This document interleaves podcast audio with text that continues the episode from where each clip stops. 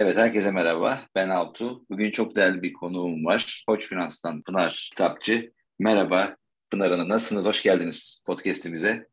Merhaba Altu Bey, çok teşekkürler, hoş bulduk. Şimdi hemen hızlıca başlamak istiyorum çünkü konuşacağımız çok konu var, zamanımız da çok çok kısıtlı. Öncelikle kendinizi tanıtmanızı rica edebilir miyim? Tabii ben e, mezun olduğumdan beri e, profesyonel olarak koç toplumunun şirketlerinde çalışıyorum.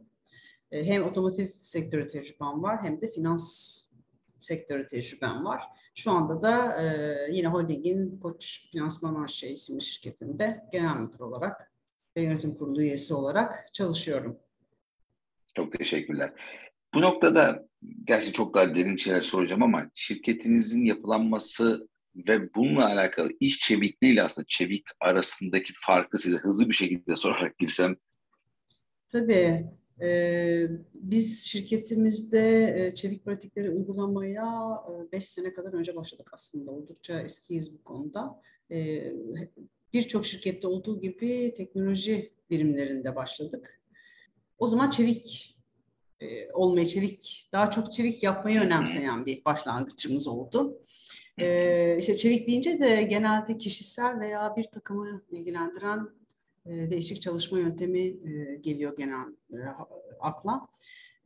Bizim şirkette de aslında başlangıcımız çevik neymiş, nasıl uygulanır, biz iş pratikleri nasıl aktarırız teknoloji tarafında diye başladı. Ama iş çevikliği deyince bütün organizasyonun hem liderlik şekillerinin hem organizasyon yapısının, karar alma mekanizmalarının, şirket içindeki çalışma kültürünün çevik felsefeye uygun olmasını anlıyorum ben.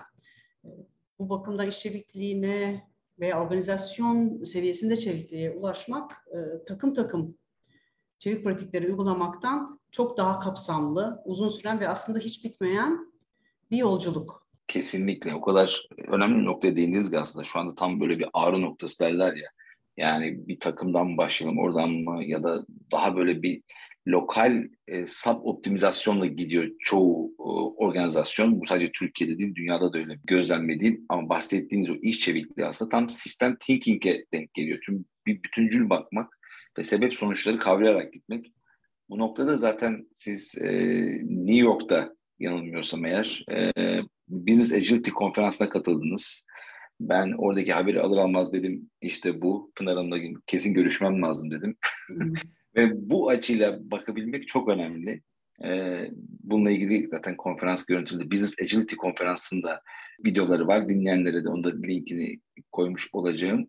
Ee, ama şu, bu noktaya nasıl geldiniz peki? Yani bu takımların çevik olmasından, Aa, bizim iş çevikliğine gitmemiz gerekiyor noktasında o ampul nerede yandı tam olarak? Şöyle bizim teknoloji birimlerinde başladığımızı söylemiştim yazılım birimlerinde ve bir büyük projemizde yazılım projemizde ilk çevik pratikleri uygulamaya başladık. E, proje devam ederken şunu gördük. Şimdi önce teknoloji birimlerinde çalışan arkadaşlarımız öğrendi çevik yöntemleri ve çevik takım teknoloji ve yazılım ekipleri ağırlıklı bir çevik takımdı.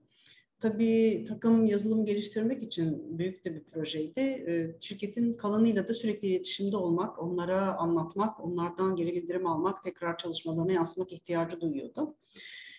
Bunun da e, çevik çalışma sadece bir grup teknik uygulamalardan ibaret değil. Bunların nasıl yapıldığı ve e, karşılıklı etkileşim içinde olan herkesin bu felsefeyi anlayıp buna göre davranması önemli. Biz bunu gördük çalışmada. Çünkü sadece teknoloji ekiplerinin öğrenmesi, bilmesi veya bir tek takımın bu işi uygulamasının da mümkün olmadığını gördük.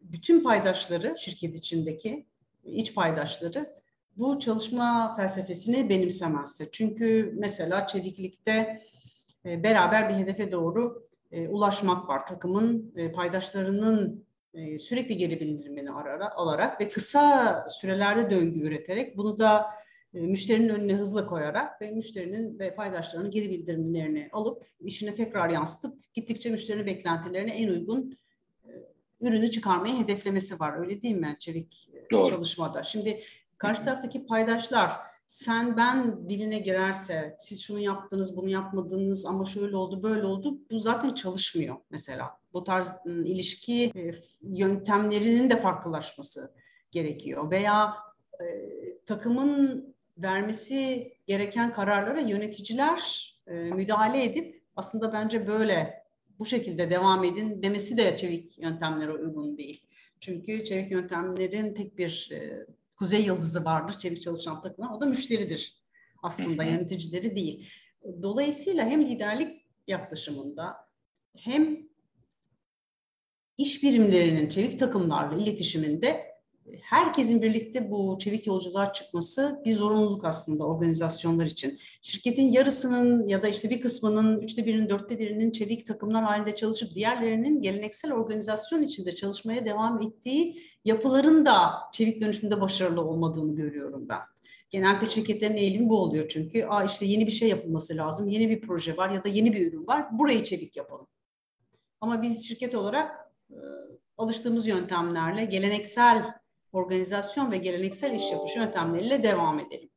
Ee, böyle olunca da e, uygulamaların başarıya ulaşmadığını gördük. Dolayısıyla biz şirket olarak e, bu yolculuğa çıkmaya karar verdik. Tabii kolay bir şey değil. Yıllar boyunca süren şimdiye kadar ve de yıllar boyunca sürecek bir şey bundan sonra da. Burada ben en önemli sahiplenme e, ihtiyacının üst yönetim takımlarında olduğunu düşünüyorum. Belki liderlik konusunda ileride de sohbet ederiz sizinle. Peki bu noktada şunu söyleyeceğim. Bu gerçekten bu bakış açısı nasıl diyeyim bir üst yönetimden e, sizden duymak çok çok harika. Ama şöyle bir karşı önlemde yok mu mesela? Cross functional teamlerle bu iş çözülebilir miydi? Yani biraz iş biriminden, biraz IT'den alıp harmanlasak acaba olabilir miydi? Burada karşılaştığınız şeyler ne oldu engeller?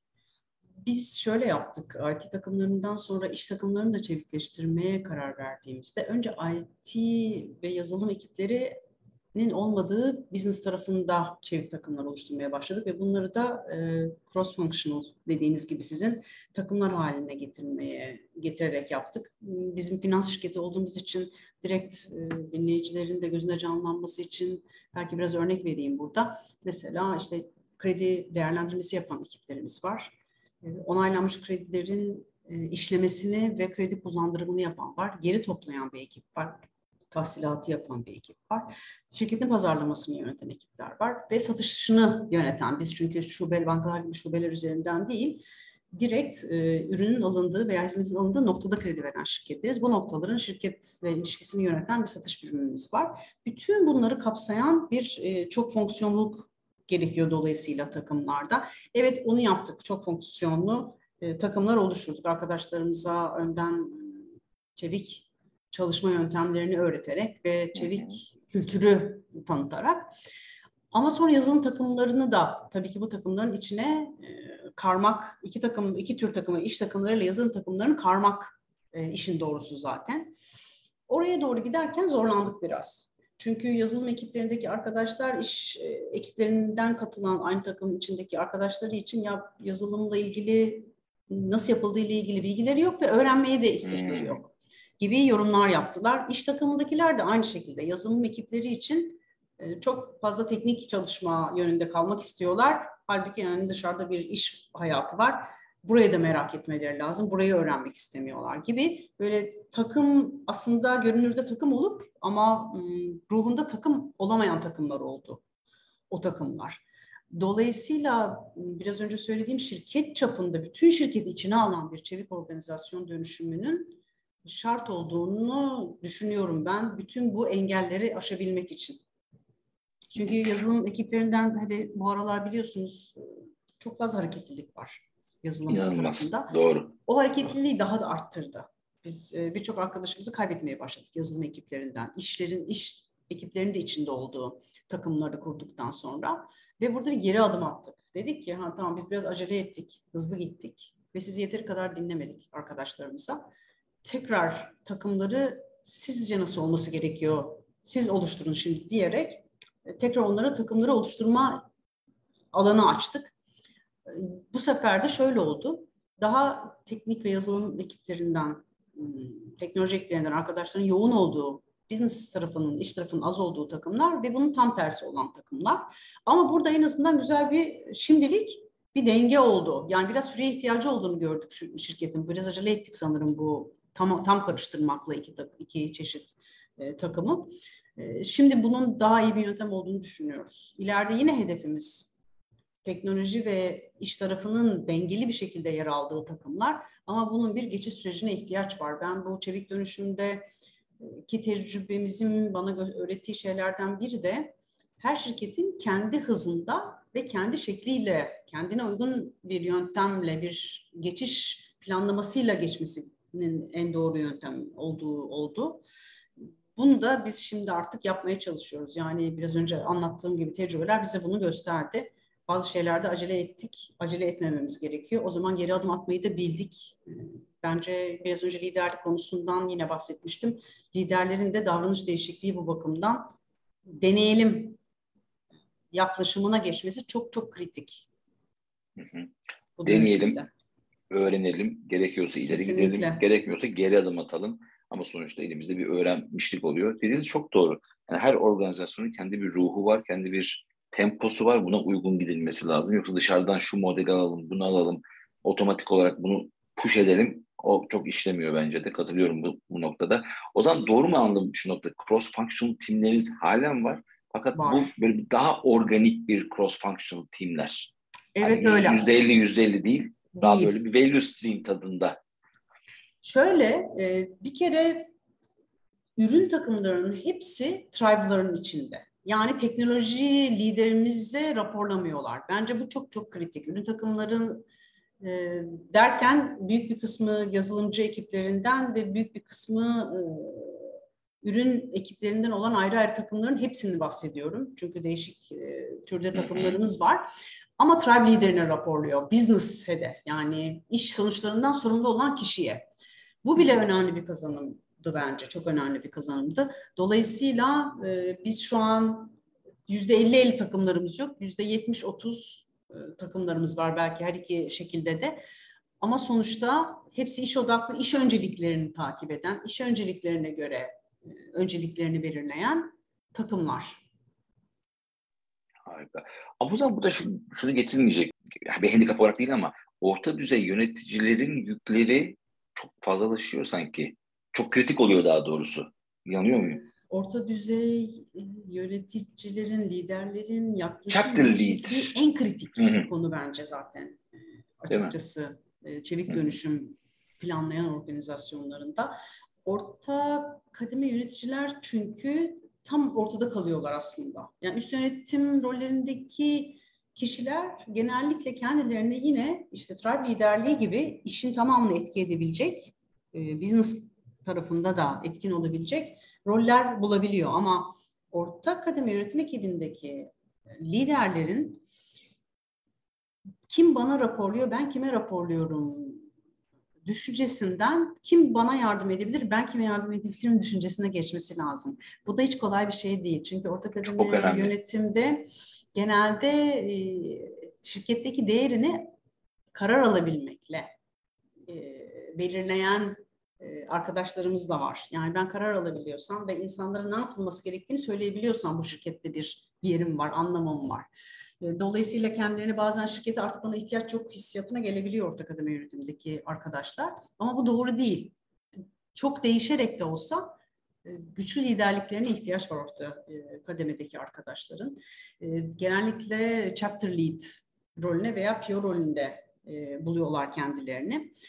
Artık ama yapmaları gereken eskisi gibi ekip arkadaşlarına neyin nasıl yapılması gerektiğini söyleyen, her soruya cevap veren ve onları yönlendiren, iş kararı alan bir yönetici olmaktan çıkıp daha çok arkadaşlarını nasıl geliştireceğini dert eden, arkadaşlarının e, içinde oldukları takımlara nasıl en yüksek katkıyı verebileceğini e, düşünen ve onları o şekilde yönlendiren, kendilerinin cevap bulmasını, kendilerinin e, iş problemlerini çözmesine e, yüreklendiren, cesaretlendiren onları bu konudaki ve daha çok soru sormaya geçen, cevap vermekten çok yöneticilik, liderlik yaklaşımı bekliyoruz biz ortak akademi yönetimindeki arkadaşlardan. Aslında baştan evet zorlandılar. E, çünkü dediğim gibi görünürlük de bir önemli bir e, şeyidir ortak akademi yönetimin. Biz, Ben de ortak akademi yönetici oldum. Sonuçta görünür olmak da bir e,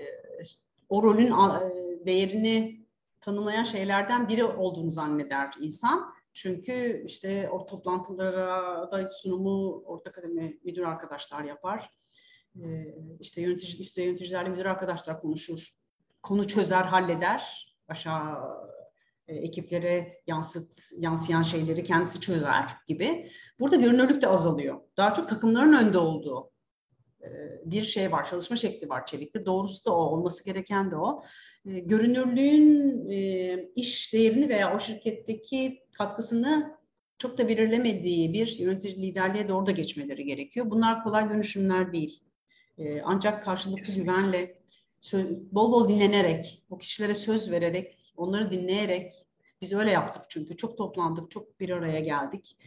Ee, koçlar çok çok kritik burada. Koçların o düşünce dönüşümünü hazırlaması, e, Orta Akademi yönetimindeki arkadaşları. Koçlardan çok çok faydalanarak, birebir koçluğa hatta e, bir kısmıyla geçerek bu e, geçişi kolaylaştırdığımızı söyleyebilirim. Baştan zorlandık ama şimdi arkadaşlarımı ben izlediğimde bu bahsettiğim yeni tip liderliğe, yani büyüten liderliğe, insan geliştiren, e, mentörlük yapan, yoda tipi liderlik diyeyim, e, liderliğe doğru geçtiklerini bir kısmının e, memnuniyetle izliyorum. Sonuçlarına da yansıyor zaten. Evet haklısınız bocaladılar ama şimdi çok çok daha memnunlar onlarda. Çünkü işi nasıl geliştiririm veya doğru teknolojik ortamı nasıl sağlarım arkadaşlarıma, doğru araçlara sahip olmasını nasıl kolaylaştırırım onların gibi şeyleri dert etmeye başladılar. Eskiye göre iş kararı almaktansa herkes daha fazla doğru yerden bence şirketin sonuçlarına, iş hedeflerine ulaşmasına katkıda bulunuyor şu an. Çok keyifle dinledim gerçekten. Çünkü bahsettiğiniz nokta hani e, nasıl diyeyim süper hero yöneticilerden soru soran ve koçla geçen bir süreç ve çok ciddi bir kültürel değişimi söylüyorsunuz aslında. Çok kolay gibi gözüken e, ama çok aslında uygulanması zaman alan bir nokta. Microsoft'ta şöyle bir hikaye vardı. Yani Microsoft'ta orta düzey yöneticilerin hepsine Theory of Constraint, bu Eliyahu Godrah'ın o kitabını okumayı zorunlu kılıyorlar diye bir şey işitmiştim ben şahit olmadım ama aslında bunun da sebebi sizin bahsettiğiniz noktayla çok örtüştüğü için söyledim. Çok kritikler, darboğaz teorisini iyi bilmeleri, soru sormaları, koşluk yapmaları, her cevabı barındıran bir e, yönetici olmaktansa sorularla lead edebilmek çok önemli bir nokta. Hatta Kanban Maturity Level'da onun da bir şeyi var. Yani o agility'nin, e, çevikliğin olgunluk seviyesini arttırmak için eğer yöneticiler süper hero yöneticiler olmadıklarında, süreçlere güvendiklerinde, soru soran yönetici olduklarında bu da aslında çevikliğin bir seviye atladığının göstergesi diye geçiyor. Yani sizin bu söylediklerinizde çok paralel olduğu için ekleme yapmak istedim. Delegasyon ha, önemli bir bölümü bu dönüşümün ama bu arada bu tek taraflı çalışan bir şey değil. Orta yönetimdeki arkadaşlar e, kararı takımlara bırakmak istese takımlar o kararları almakta hevesli olmuyor bazen. Yani eminim bir sürü organizasyonda da bu onunla karşılaşılmıştır. E, çekiniyorlar ve tereddüt ediyorlar. Yani başkasının karar vermesi çünkü hele finans gibi e, sonuçları direkt parayla e, ölçülen ve iş sonuçlarına yansıyan işlerde oldukça da tereddüt ediyorlar. Yani o iki taraflı hazırlamak önemli orada da bence. O da işin bir başka noktası. Tamamen işte kültürel bir değişim aslında bu noktada. Peki şunu, şunu sormak istiyorum. Tüm bu değişimden sonra verimlilik, karlılık gibi noktalarda bir artış gözlemlendi mi? Ya da ne bileyim müşteri memnuniyeti gibi noktalar bir çıktısı oldu mu bu sürecin sonunda? Oluyor mu ya da? Edersiniz. Ee, tabii bizim kendi iş sonuçlarımızdan örnekler verebilirim. Önce şey tarafına gelin, memnuniyet tarafına müşteri NPS ölçümleri. Biz NPS ölçümüne çelik e, dönüşme karar verdikten sonra başladık. Dolayısıyla öncesini çok öncesine ilişkin e, datam yok ama şu anda bizim müşterilerimizde 60 seviyesinde e, iş ortaklarımızda biraz önce söyledim ya biz bayiler ve satıcılar satış noktaları vasıtasıyla kredi veren bir iş modeli var finansman şirketlerinin. Bu bizimle birlikte müşterileri aslında gören ve bütün kredi işlemlerini müşterilerle yürüten e, iş yerlerindeki NPS oranımız 80 seviyesinde. Yani bu iki oranda e, yüksek e, seviyeler çalışan bağlılığında önemli bir etkisi oldu. E, 60'lardan 80'lere geldik çalışan bağlılığında. Bence bu daha çok çok çok önemli. Yani şirketin şirketteki çalışanların bu yöntemi benimseyip benimsemedikleri, e, hevesli olup olmadıkları bu dönüşüme katılmaya çalışan bağlılığında en güzel gözüküyor. Dolayısıyla bizi sevindiren bir sonuç 80'lere gelmiş olmak burada. E, ürünler Harika. tarafında da e, mesela pazara çıkış hızımız dört kat arttı. Onu görüyoruz. Bizim için önemli bir gösterge. Dolayısıyla iş sonuçları tarafına da yansımalarını görüyoruz. Çok ciddi rakamlar söylüyorsunuz. Muazzam. Ee, yani dediğim gibi yine aynı yere bir referans edeceğim. Sizin söyledikleriniz çok paralel olduğu için o Kanban Maturity modeli de arttıkça bu e, çevikliğin e, olgunluk seviyesi bunun somut sonuçları alınıyor. Ee, ve burada da bir ispatı var aslında. Bu Biraz sabırlı olmak lazım ama Altuğ Bey. Yani e, Kesinlikle. acele de etmemek lazım. Üst yönetimin yapım belki burada hani dikkat etmesi gereken şeylerden biri de o çok hızlı çünkü önce bir öğrenme aşaması var mutlaka. Deneme yanılma aşaması var. Biz genelde iş kültüründe bu deneme yanılma tarafı hep çok ağızdadır, çok söylenir ama yapması kolay bir şey değildir. Özellikle o denemeler e, başarısızlıkla sonuçlandığında. E, dolayısıyla e, sabretmek lazım biraz. Çok da hızlı sonuca dönmesi bazen mümkün olmuyor ama sonradan sonuca dönüyor ve döndükten sonra da bunun iletişimin çok çok kritik görüyorum ben. Hem şirkete hem de dış paydaşlara. Çünkü iletişimini yapmadığınızda da o beraber daha iyiye nasıl götürürüz e, yaklaşımına geçmesi zor çalışanların. İletişimini yapmak lazım. Her başarının başarılı sonucun iletişimini yaparak. Bunu da takımların kendilerinin yapması tabii e, en değerlisi. Bu iletişime de çok çok önem veriyorum. Ben en kritik gördüğüm aşamalardan biri bu dönüşümde. Şimdi sohbet ederken iki nokta var. Bir liderlikten bahsettik. Bununla ilgili umuyorum sonraki seferde tam böyle daha odaklanırız. Çok önemli liderlik. Bu noktada üst, üst yönetimin desteği çok çok önemli. Yani düğmenin iliklenmesini ben doğru gördüm sizde. Genel pattern da o şekilde. Ee, tabii deneme yanılma noktasında bir ufak katkım olacak. Deneme yanılma belki kötü geliyor kulağa ama deneme öğrenme aslında. Bir önceki Doğru. podcast'te de bunun üstüne bir e, Sense and Response kitabını okumuştuk. Orada da çok önemli hani sürekli bir öğrenme, iki çift kanallı bir yol gibi bu noktalar çok çok önemli. Şunu söyleyeceğim, bu iletişim noktasında verebileceğiniz taktikler var mı mesela? Nasıl bu yapılan işlerin iletişimi yapılmalı ya da hangi hatalardan uzak durulmalı veya tam tersten de sorayım. Ee, birincisi, ya, öncelikle şey söyleyeyim. Biz, ben bir eğitime katılmıştım ve oradaki eğitim, eğitmen ne söylediği bir şey vardı. Bence çok doğru. Ee, onu burada da tekrarlamak istiyorum. Ee, çevik dönüşümde çok fazla iletişim diye bir şey yoktur. Aşırı iletişim diye bir şey yoktur. Her fırsat olan yerde iletişimini yapmalı. Ee, çok doğru. Hmm. Ee, bu iletişim hani bazen bıktırır derler ya sürekli, sürekli tekrarlandığında. Çevik dönüşüm için doğru değil. Her fırsatta iletişim yapmalı. İletişim fırsatlarını kovalamalı bence. İyi insan kaynakları ve yönetim takımları.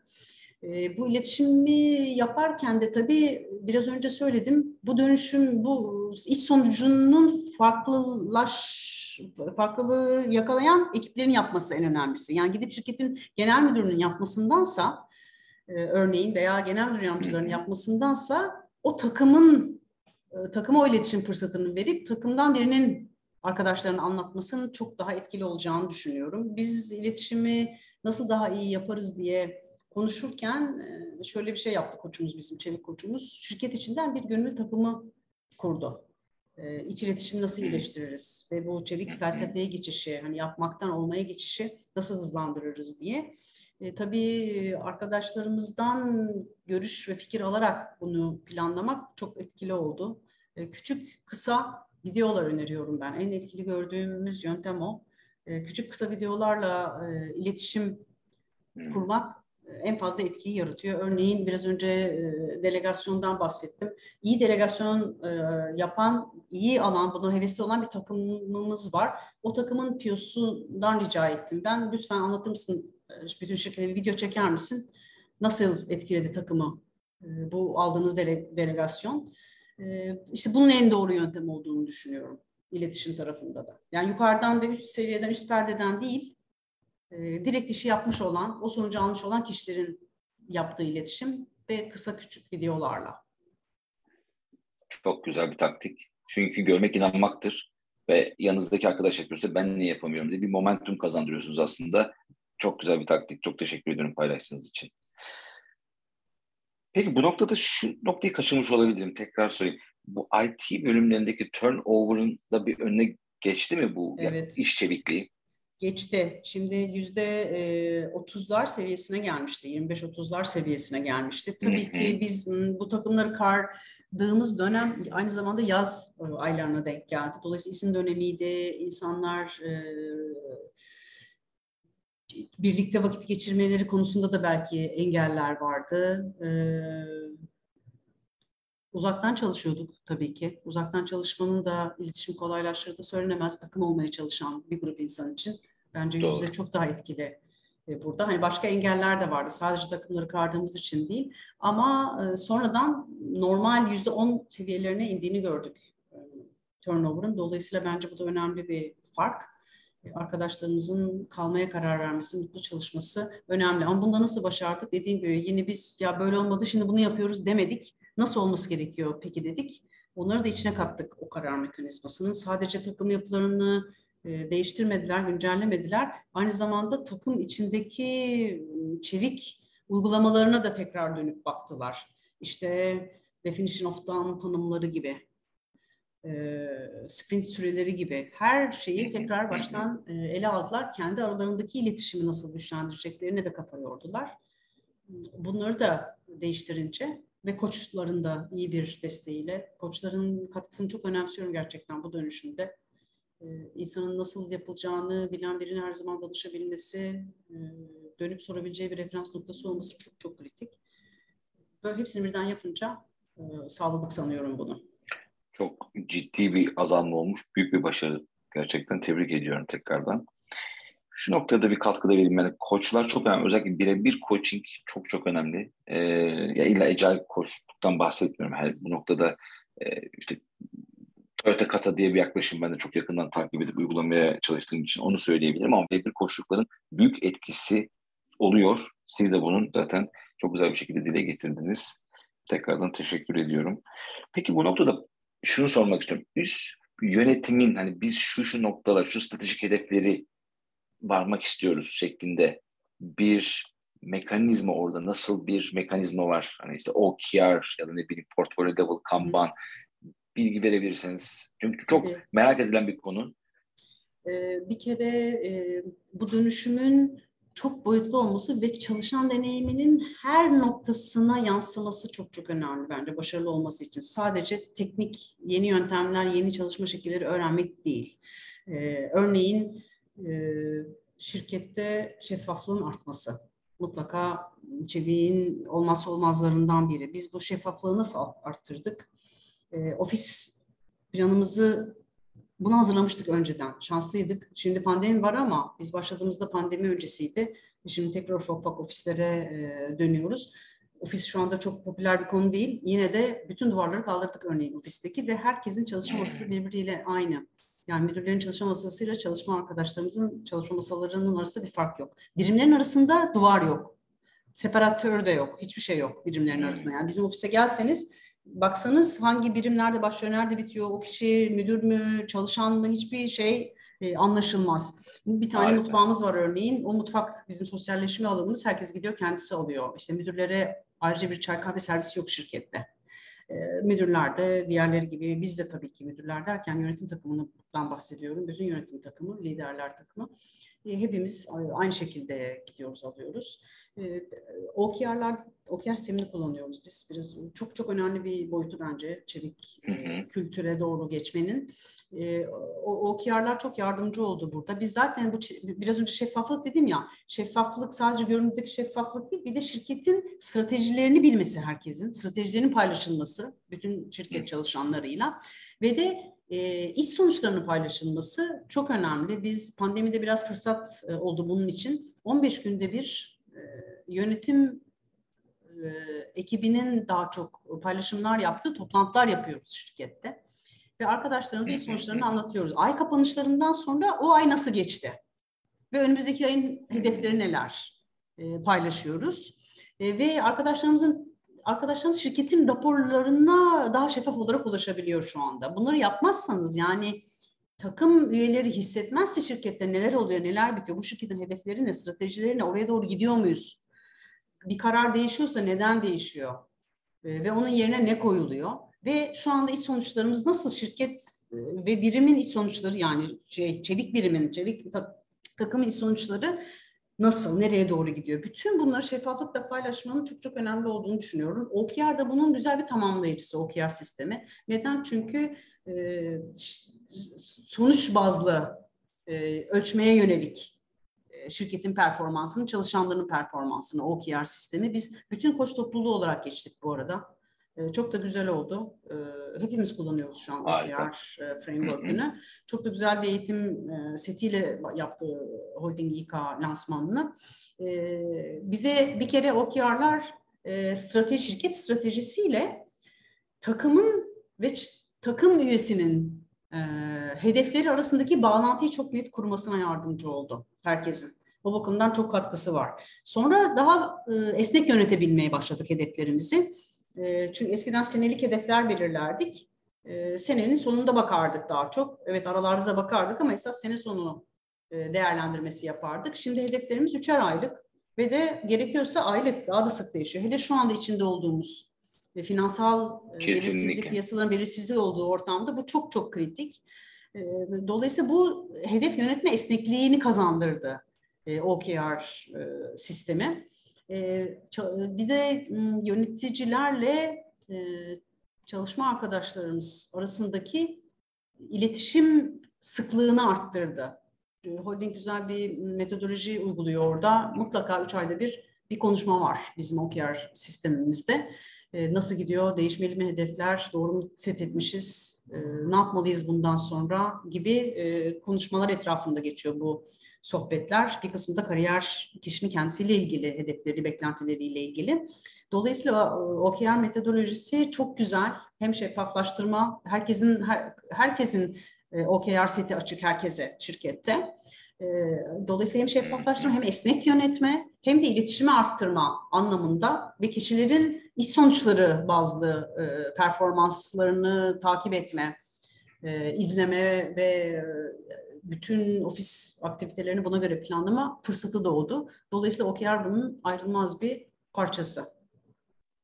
Çok teşekkür ediyorum. Özellikle OKR aslında hedefleri yönetme esnekliği ifadesi çok hoşuma gitti. Gerçekten doğru. Bu yazılım için de böyle bu arada. Hani yazılımda bir feature mi yapalım falan aslında karlara gitmek önemli burada. Key result odaklı yazılım geliştirme de taahhütleri o şekilde yapma da e, yine çok tavsiye edilen bir nokta. Yine olay aslında esnekliğe geliyor. Tekrardan hatırlattığınız için çok teşekkür ediyorum ve iletişim tabii ki en önemli şey iletişim. Ben çok keyif aldım bu sohbetten. Podcast'imizin de yavaş yavaş sonuna gelirken e, eklemek istedikleriniz var mı? Yönetim ve lider kişilerin e, katkısının çok çok önemli olduğunu, bu işe kendilerinin de katılmasının.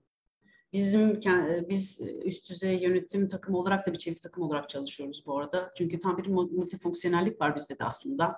İşte e, finansmandan sorumlu arkadaşım var, kredilerden sorumlu arkadaşım var, teknolojiden sorumlu arkadaşım var, insan kaynaklarından sorumlu arkadaşım var gibi. E, biz de kendimiz bir çevik takım olarak çalışıyoruz. Dolayısıyla yöneticilerin örnek olması, kendilerinin de e, keyif alarak öğrenmeye e, çalıştıklarını göstermesi e, çok çok kritik bu dönüşümün başarıya ulaşmasında. Onu söyleyebilirim. Business Agility Institute'dan biraz önce bahsettiniz. E, çok güzel bir kaynak. Bu konuda kendini geliştirmek isteyenler için iş çevikliği konusunda. Dolayısıyla hem üye olmalarını, yayınlarını takip etmesini öneririm e, dinleyicilere. Ee, her zaman da biz her türlü paylaşıma açığız. Ee, herkese de seve seve anlatıyoruz Koç Finans'ın dönüşüm hikayesini. Ee, her zaman da iletişimde olmayı isterim. Peki dinleyicilerimiz size nereden ulaşabilirler? Bana direkt LinkedIn'den ulaşabilirler. Yeşim Pınar Kitapçı LinkedIn'deki adresim. Herhalde en kolay öyle olur. Ya da şirketin web sitesinde benim mail adresim de var. oradan da ulaşabilirler bana. Tamam. Zaten ben de onları koyacağım podcast notlarına. Severim. Bu biz Business Institute o okey. Peki onun dışında tavsiye edeceğiniz kitaplar, kaynaklar var mıdır? Valla e, Business Agility Institute'un e, kaynak çok e, bir sürü kitap setleri var. Dolayısıyla ve yayınları var. Onları e, tavsiye ederim. E, başlamak ve geliştirmek isteyenlere kendisini. Bir de e, Beyond Budgeting diye yani bütçeleme ötesi diye bir kitap var. BRT Boxness'in. Ben kendisinde bir birkaç seminerde dinleme fırsatı buldum. O kitap e, çok dönüşümsel bir kitap. Yani yaklaşımı çünkü bütçenin de ötesine geçip bütçeleme yapmadan nasıl iş sonuçları yönetilebilir ve çevik bir tamamen arkada çevik bir felsefe ve çevik bir yaklaşım var. Ee, o kitabı çok tavsiye ederim. Yani çevikliğin neden ibaret olduğunu aslında sadece takımların çevik tekniklerle çalışmasından bahsedilmediğini, burada çok daha felsefi bir dönüşümden geçmesinin e, kastedildiğini şirketlerin güzel anlatan bir kitap. Beyond Budgeting'i de tavsiye ederim o yüzden dinleyicilere. Çok teşekkür ediyorum. Ben de tekrar etmek istiyorum. Agile manifesto odaklı değil, bir bütüne bakıp işte budget, diğer noktalar bir bütün olarak görebilmek çok çok önemli. Katkınız, tavsiyeleriniz, önerileriniz için çok teşekkür ediyorum. Umuyorum ki bir sonraki ederim. podcast'te liderlik ve diğer konularda da tekrardan İnşallah. kapımızı çalıyor olacağım. Tabii, çok tabii. Ben teşekkür ederim davetinize. Çok keyifli oldu. Hoşçakalın.